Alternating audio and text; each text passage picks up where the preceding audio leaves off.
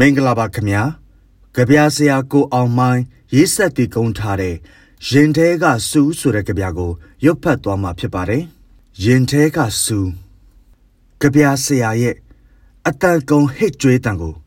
လမ်းမပေါ်ကဝိညာဉ်တွေကြားတော့ချက်ချင်းကုန်းယုံထပြီးအလေးပြုကြတယ်သူတို့ကိုယ်တိုင်လည်းကြပြဆရာနဲ့အတူတန်ကုံဟစ်လိုက်ကြတယ်ကဘာကြီးတောင်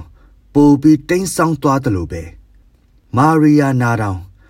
ကဘာကြီးတဲ့ပိုဆူးဝင်သွားတယ်ကြပြဆရာကလက်သုံးချောင်းထောင်လိုက်တယ်ဖယားသခင်ရှေ့မှာဒူးထောက်လိုက်တယ်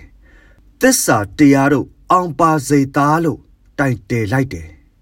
သားတတ်သမားတွေကြောက်တူးတုံစွန့်အသွားကြပြီးစစ်မြေပြင်ကကိုလွတ်ထွက်ပြေးကြတယ်ကျေးလက်ကမျက်ရိုင်းပင်တွေတောဖြစ်ကုန်တယ် မြို့ပြကတိုက်တာအိုးအိမ်တွေဟောင်းလောင်းဖြစ်ကုန်တယ်ရုံးမတွေကိုဖျက်ချော်ပြီးဘင်္ဂလားပင်လယ်အော်မှာအဆုံးသတ်တယ်။ကြပြဆရာရဲ့မျောလင်းချက်ဟာမီးတောင်ဖြစ်သွားတယ်။ပောက်ကွဲတန်စင်တွေကမီးပင်လေကြီးတစ်ခုပေါ့။အနာဂတ်ကိုထုစစ်မဲ့လက်တွေကိုဓားလိုသွေးလိုက်တယ်။ဆုံးရှုံးစရာနှောင်ကြိုးတွေကို